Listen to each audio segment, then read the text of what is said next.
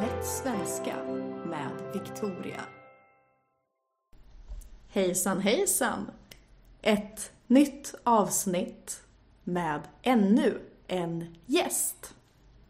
Ni har hört talas om den här gästen väldigt tidigt i podden. Jag tror det var avsnitt 6 när jag berättade om Marcus, den första killen jag blev kär i. Så Marcus är här idag och ska berätta en historia. Vill du säga hej, Marcus? Yes, hej! Marcus heter jag. Jag tänkte berätta en liten historia som hände på jobbet. Det var så att eh, jag skulle eh, rensa ogräs och mossa från ett cykelställ. Och eh, jag hade en vagn med olika redskap.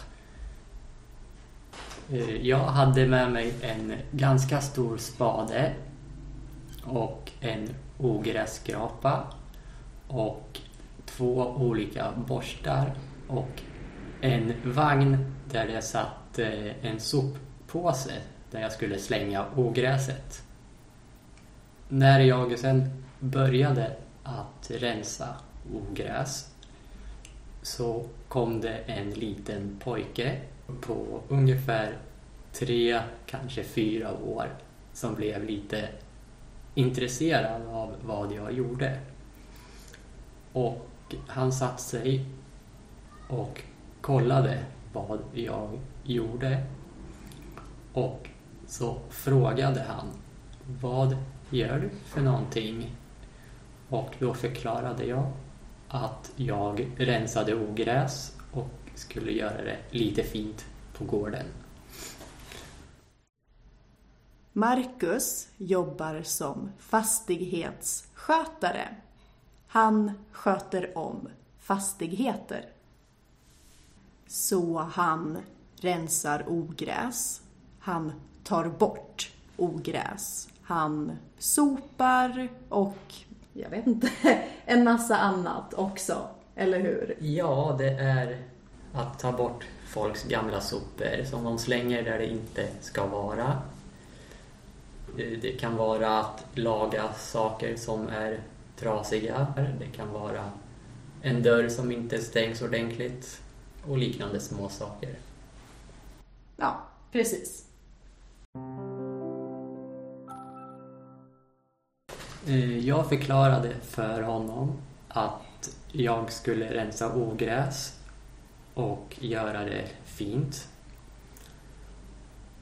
Och fortsatte att jobba.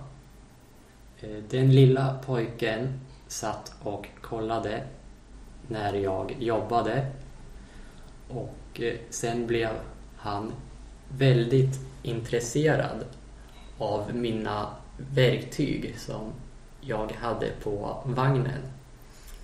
Och han frågade varför jag hade sån stor spade. Och jag förklarade att det var för att kunna skyffla upp allt ogräs snabbt. Och då förklarade pojken att han också hade en jättebra spade och han ville visa mig spaden. Så han gick tillbaka och hämtade sin spade och visade hur bra spaden var genom att skyffla upp ogräset jag hade skrapat. Och han tyckte nog det var lite kul att få använda sin spade för han ville fortsätta att hjälpa mig att skyffla upp ogräset. Och när jag och den lilla pojken jobbade så kom även hans två systrar och blev nyfikna på vad vi gjorde. Då förklarade pojken att vi städade och gjorde fint. Och då ville hans systrar också vara med och hjälpa till. Så då hämtade de sina sopborstar och två små leksaksskottkärror som inte alls var jättestora. Vad gulligt. Jag visste inte att det fanns miniskottkärror. De var jättesmå. Och de två små skottkärrorna fylldes lätt upp med bara ett spadtag. Så de fick tömma jätteofta. Och eh, när de hade hämtat sina redskap så hjälpte de till att sopa upp ogräs och skyffla upp det på deras skottkärror. Och så körde vi det och gjorde en jättestor hög med ogräs som jag sen skyfflade bort med min stora spade. De ville även använda mina redskap.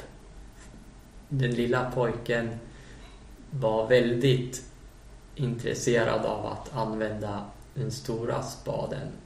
Även fast den kanske var lite för tung för honom så ville han ändå väldigt gärna skyffla med just den spaden. Och han ville även ha min ogrässkrapa och skrapa ogräs. Och eh, hans systrar blev lite avundsjuka på att han fick låna mina redskap. Så de började bråka lite om att få låna mina redskap. Men sen så fortsatte de att hjälpa mig att städa upp allt ogräs och även att rensa bort det som fortfarande satt fast. Och i slutänden så blev det väldigt fint gjort och jag tycker att barnen jobbade väldigt bra för att ha varit så unga. Eh, barnen var ungefär mellan åldrarna tre och sex år gamla. Och kill, lillkillen var den yngsta av dem. Som var tre då.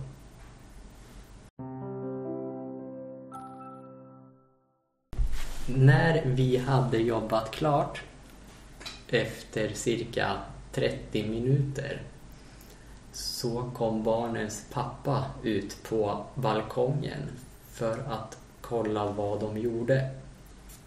Och då upptäckte jag att pappan till barnen var en gammal klasskompis bror. Och jag hade gått i samma klass som honom i ungefär fem år. Och jag hade ingen aning om att han hade flyttat in på den gården. Marcus, varför valde du att berätta just den här historien? Jag valde att berätta den här historien för att jag tyckte det var väldigt eh, gulligt av barnen att eh, komma fram till mig och hjälpa mig att jobba fast de inte fick någonting för det. Och sen var de även väldigt duktiga för att vara så unga att det faktiskt imponerade på mig lite grann. Och det var det. Tack så jättemycket Marcus för att du kom hit. Och tack för att du har lyssnat. Vi hörs nästa vecka när jag kommer att berätta om när jag besökte ett café med ugglor i Japan. Vi hörs då. Hej hej!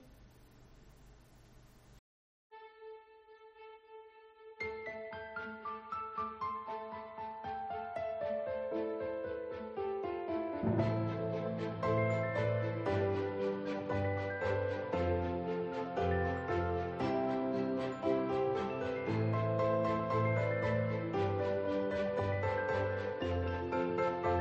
svenska med Victoria.